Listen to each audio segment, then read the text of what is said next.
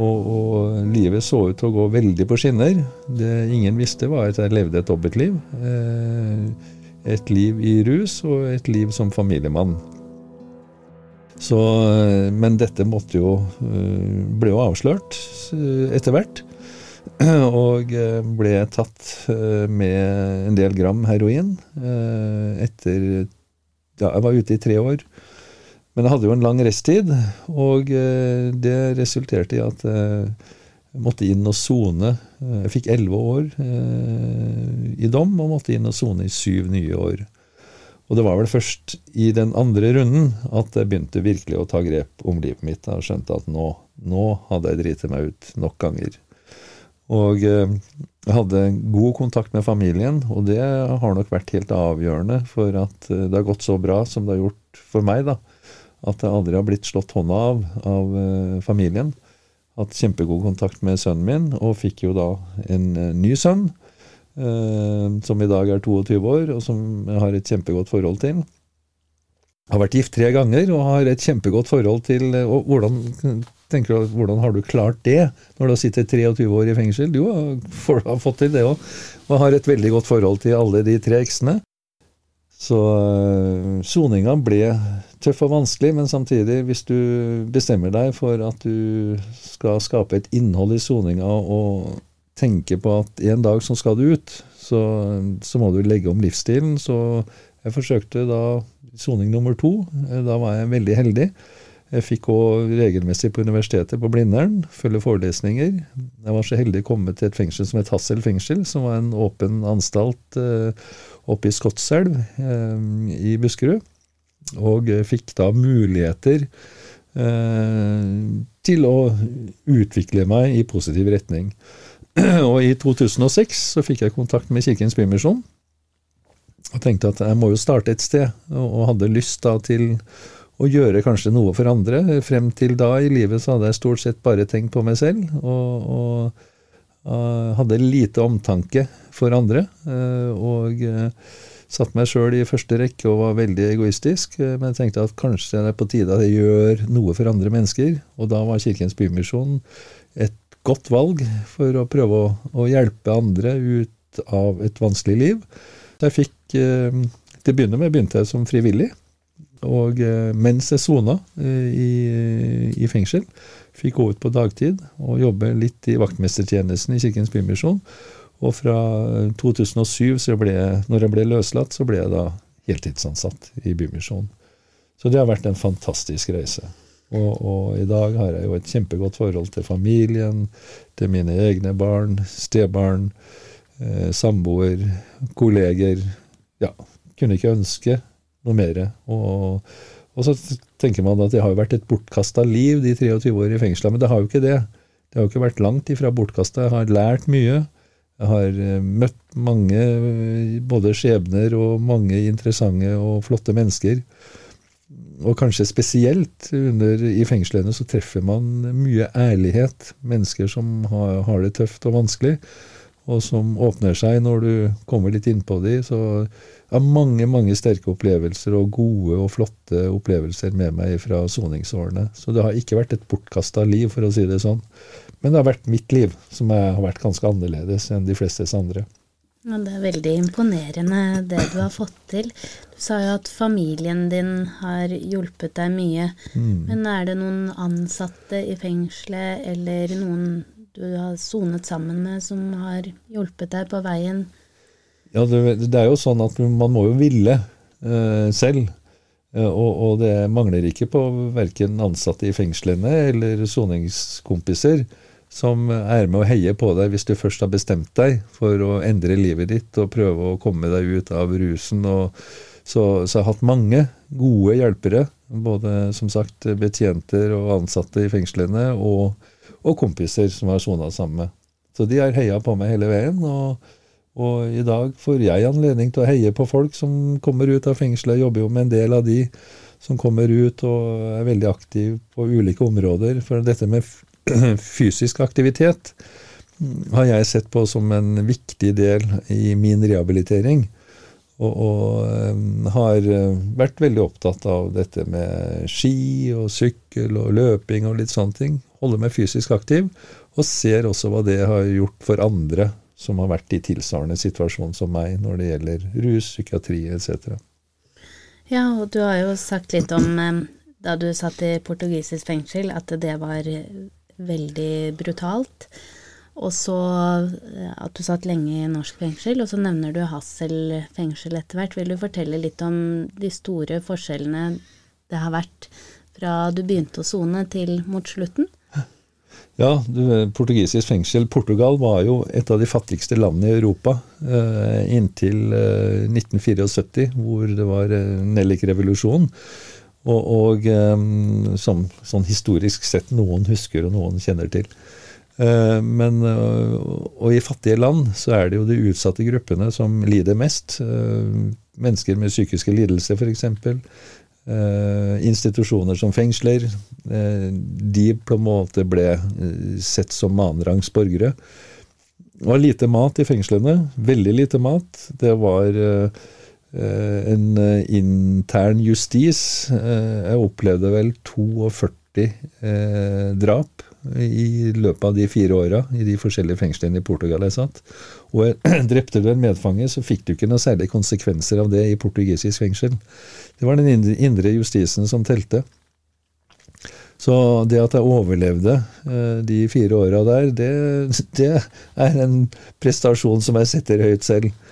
Fengselsbetjentene i Portugal, eh, grunnopplæringa deres var et seksukers kurs hvor det var tre uker på skytebanen.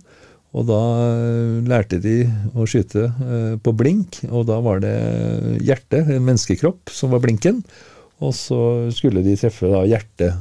Så det var tre uker med skytetrening, og så var det én uke med nøkler og låsing.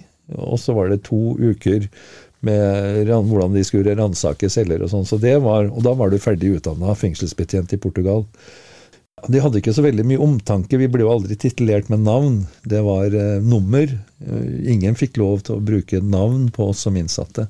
Så alle hadde et nummer. Jeg hadde 289, eller Deutsche Tentinov eh, på portugisisk. Jeg måtte jo lære meg portugisisk etter hvert, for det var jo ingen som snakka verken engelsk eller noe annet språk i fengslene der. Så eh, det var å gå fra et helvete til eh, å komme til et himmelrike, nesten til å komme til Oslo fengsel. Som da var sikkert et helvete for mange av de som satt der, av de norske. Men for meg, som hadde opplevd det som var ganske mye verre, så, så var det jo fantastisk å komme dit og bli behandla som et menneske. Og det tenker jeg den, eh, Hvordan man behandler innsatte, gir innsatte respekt. Eh, og i, det heter jo kriminalomsorgen. Omsorg er kanskje å ta litt vel hardt i, men er, du får, kan få mye omsorg og oppmerksomhet også i Fengsels-Norge i dag, hvis du vil. Hvis du er åpen for det og klar for å vise at du er, har en positiv innstilling til å komme deg ut av både spesielt kriminalitet da, og gjøre noe annet enn å reke gatelangs etter du blir løslatt, så, så er det masse muligheter. Så um, fengselsvesenet har vært i en stor utvikling. Og, eh, og, i en positiv utvikling, vil jeg nok si. Selv om enkelte institusjoner som Hassel fengsel, som hadde kjempegode resultater eh, når det gjelder å rehabilitere innsatte, ble lagt ned pga. økonomi. Så det, det er jo sånne, sånne ting som jeg syns er veldig trist. Så får du disse kjempestore institusjonene som Ullersmo, eh, Skien fengsel, Halden fengsel, men også der er det mye programvirksomhet eh, innad i fengslene. Så innsatte som ønsker å, å, lære noe og gjøre noe positivt med soninga, de har alle muligheter til det. Eh, har du noen spesielle hendelser eller historier fra fengselet du husker spesielt godt? Å ja, det er mange historier og hendelser, både på godt og vondt. Jeg husker jeg lot meg intervjue en gang av, uh, i VG, og da var det en mor som hadde en sønn som hadde dødd av en overdose. Og denne mora hun ville gjerne ha en prat med meg på Ullersmo, og, spurte om det var greit å komme på besøk. Og, eh, for hun prøvde å forstå hvordan en ung gutt kunne havne ut i kriminalitet og i rus, og senere ta en overdose. Um, For hun kjente litt til min historie. Så hun eh, kom opp på Ullersmo og besøkte meg, og eh, da var det en VG-journalist som var med. Og hun prøvde å kanskje få noe svar gjennom en samtale med meg.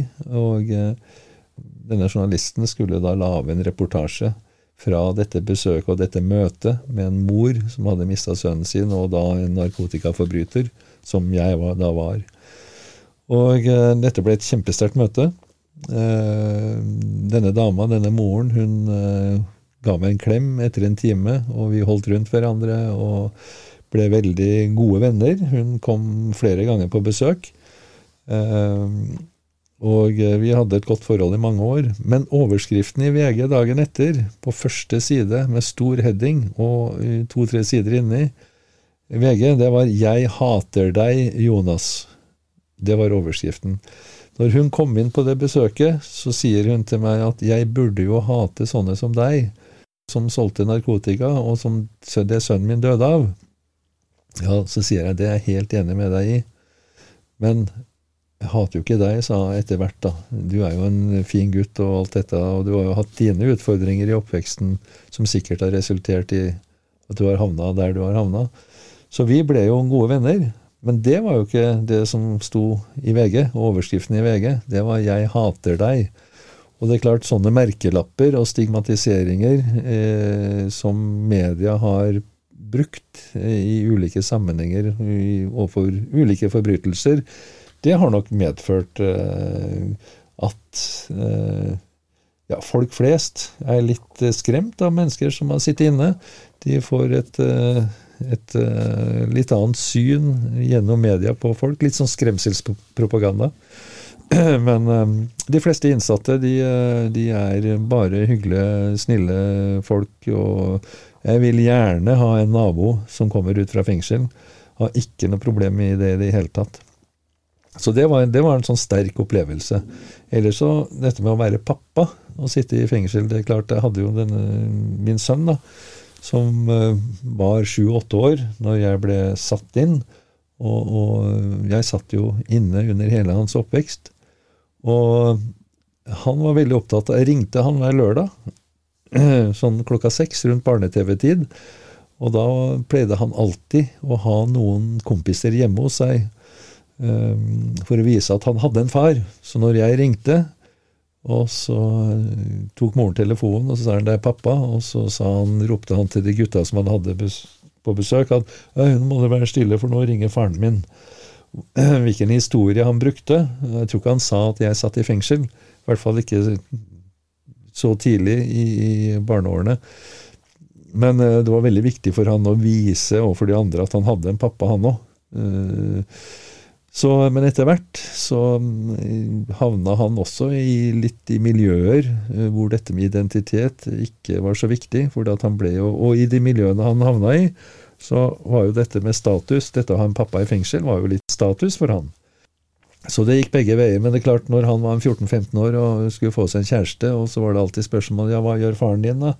Da var det litt vanskelig å si at nei, han sitter inne, han har sittet inne i mange år. Det var, liksom, det var vanskelig for en ung gutt, så istedenfor å få de spørsmålene, så, så, begynte han å frekventere miljøer der det ikke var snakk om hvem han var, og hva foreldra gjorde, og sånne ting.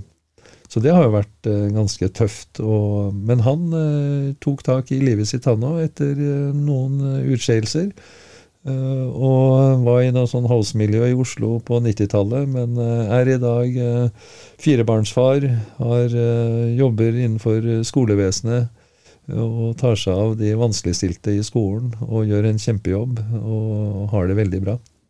Så det har vært veldig fint. Og så har jeg jo en sønn nummer to som kom til da, under andre soning, eller som ble født like før jeg begynte å sone andre gang. Og han også har vært mye og besøkt meg i fengselet. Eh, og, og, eh, vi har hatt et kjempegodt forhold hele veien. Men det er klart, barn blir jo prega av det å ha en pappa eller mamma i fengsel. Så det har også vært eh, noe jeg har vært veldig opptatt av å både snakke om og formidle. Fordi at statistikken viser jo dessverre at en tredjedel av de barna som har en mor eller far i fengsel over tid, de havner selv ut i ja, rus, kriminalitet etc. Så det er ganske skremmende. Derfor er det kjempeviktig å kunne forebygge eh, overfor barn av innsatte. Kjempeviktig. Et veldig viktig tema. Hvordan mm. var det for deg å være far og sitte i fengsel? Nei, det var jo mye savn. Eh, mye fortvilelse. Eh, mye lengsler, ikke sant. Det er du får ikke delta på eh, barnet eller sønnen din eller dattera di sin bursdag, jul, alle disse. Jeg satt inne i Jeg satt jo inne i ti år uten permisjon. Uh, og jeg satt, inne, jeg satt syv år totalt isolert på enecelle uten kontakt med andre innsatte. Uh, så det er klart at da hadde jeg jo heller ikke noe kontakt med eldste sønnen min. I hvert fall veldig liten grad. Han kom på Ullersmo sammen med en voksen person, og vi hadde en glassvegg mellom oss eh, og en telefon på hver side, og kunne snakke gjennom det. Og det ble veldig rart å ha besøk av sønnen sin gjennom en glassvegg, og du skal sitte og prate gjennom en telefon. Det farliggjør deg som person. Så det fant vi fort ut at det var ikke noe hyggelig, verken for han eller meg. Så, så det å sitte og være forelder i fengsel, det, det er sterke følelser som kommer frem. fordi at tidligere, før man havner i fengsel, så er det jo ofte rusen for de fleste som man er opptatt av, og glemmer kanskje barna midt oppi det, det livet man lever i rus og kriminalitet. Og når man blir nykter og får liksom tid til å tenke seg litt om, og i, litt ut i soninga, så ser man jo hva som er viktig i livet, og hvor viktig barna våre er. Eh, og da blir jo denne omtanken for egne barn mye sterkere. Ja, det må ha vært veldig tøft å mm. ha så lite kontakt, og mm. dette med å ikke få deltatt i bursdager og mm. deltatt på ting i barnas liv. Mm.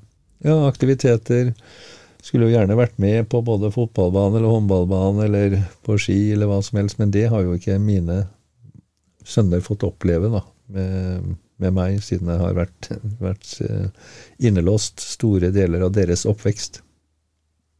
Det er noe vi i Fri barn og familie er veldig opptatt av, at eh, eh, barn skal få møte foreldrene sine. Ofte så savner de foreldrene veldig mye, og i de aller, aller fleste tilfeller så er det jo positivt å ha kontakt med forelderen sin og kunne møtes og gjøre noe hyggelig sammen prøve å få til besøk med å gjøre aktiviteter, og kanskje ikke alltid at besøket skjer inne i fengselet, men at man kan dra på en hyggelig aktivitet sammen utenfor fengselet, da. Mm. Mm. Sånn var jo Hassel fengsel.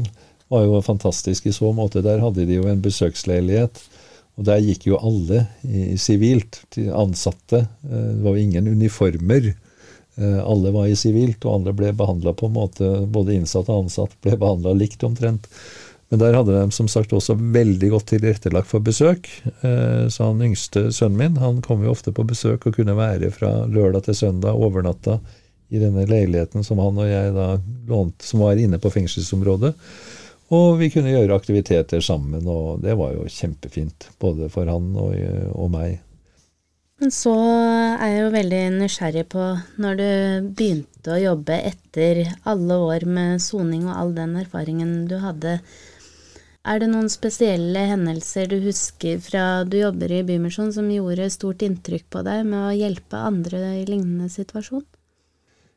Det er jo rent sånn generelt. tenker jeg at Du får jo ofte en klapp på skuldra av mennesker du møter som sier dere i Bymisjon gjør en fantastisk jobb.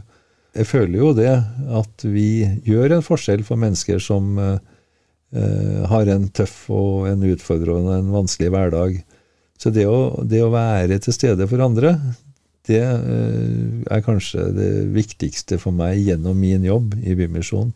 Og det tror jeg også er eh, gjengs for alle kollegene jobber sammen med også. At vi, vi, gleder oss til å kunne bidra og være til stede for andre mennesker som har det vanskelig. Om det nå enten er barn eller voksne eller eldre. Så på alle områder i livet så ønsker vi å bidra til at uh, livet skal være godt uh, å leve for alle. og uh, Alle har jo ikke de samme mulighetene, men i hvert fall vi i Kirkens Bymisjon skal forsøke å skape nye muligheter og, og, og nye ståsted for mennesker som, som trenger det. Det har jo vært eh, en del fokus på dette med erfaringskonsulenter i kommunene. og Hvilke tanker har du om det? For Kirkens Bymisjon er jo eh, veldig opptatt av erfaring og fag på samme lag. Kjempeviktig. Jeg tenker at eh, de som har vært ute en vinternatt og, og, vet hvor skoen trykker, og har vært gjennom kanskje både rus og psykiatri, og, og har de erfaringene med seg, og, har klart å snu om, så er jo den erfaringskompetansen de har, gull verdt for andre mennesker. Ehm, så det, det blir mer troverdig overfor en eh, person som er i aktiv rus eller han sliter med psykiatri, eh, å snakke med en som har den samme erfaringsbakgrunnen, som kan uh, istedenfor kanskje uh, en nyutdanna person fra psykologi eller psykiatri eller noen sånne ting. Men det også er viktig. Så dette med erfaring, fag på samme lag, kjempeviktig. de er med, med teoretisk utdannelse også, men det er klart at egenerfaring er kjempeviktig. Og eh, jeg tenker at det må bare kommunene se å få Jo flere de får ansatt innen eh, erfaring, erfaringskonsulenter og mennesker med egen erfaring, så eh, tror jeg resultatene også kommer eh, i forhold til det. Hvis du skulle si noe til noen som kanskje er i rus eller gjennomfører en form for straff nå, hvilke råd ville du gitt dem for å kunne endre seg og få et bedre liv? I dag er det jo mange muligheter. Ta kontakt f.eks. med eh, en eh, organisasjon eller en frivillig organisasjon i lokalmiljøet der du eh, kommer til, eller der du er ifra. Sånn som i Drammen f.eks. så har du jo FRI. Vi har Kirkens Bymisjon. Og Kirkens Bymisjon er jo i mange norske byer. Og Kirkens Bymisjon har en åpen dør for alle mennesker, uansett bakgrunn og hva du har gjort og ikke gjort. Og, og de er der, eh, hjelper deg, veileder deg, gir deg omsorg, og du blir sett og respektert. Så det er mye hjelp å få hvis du ber om det. Men du må ta initiativet selv. Og har du virkelig lyst til å endre livet ditt og, og få et mer A4-liv, selv om det kan høres kjedelig ut, så det er jo det de fleste ønsker, å stå opp om morgenen og ha noe å gå til, så er absolutt Kirkens Bymisjon og andre eh, organisasjoner, frivillige organisasjoner, eh, flotte eh, ting som man kan søke imot og få hjelp av. Ja. Det var de spørsmålene jeg hadde. Tusen takk for at du delte din historie. Gode råd, eh, sterke fortellinger og eh, mange fine perspektiver du har. Tusen takk for at du kom til oss i dag. Bare hyggelig. Tusen takk for at jeg fikk komme.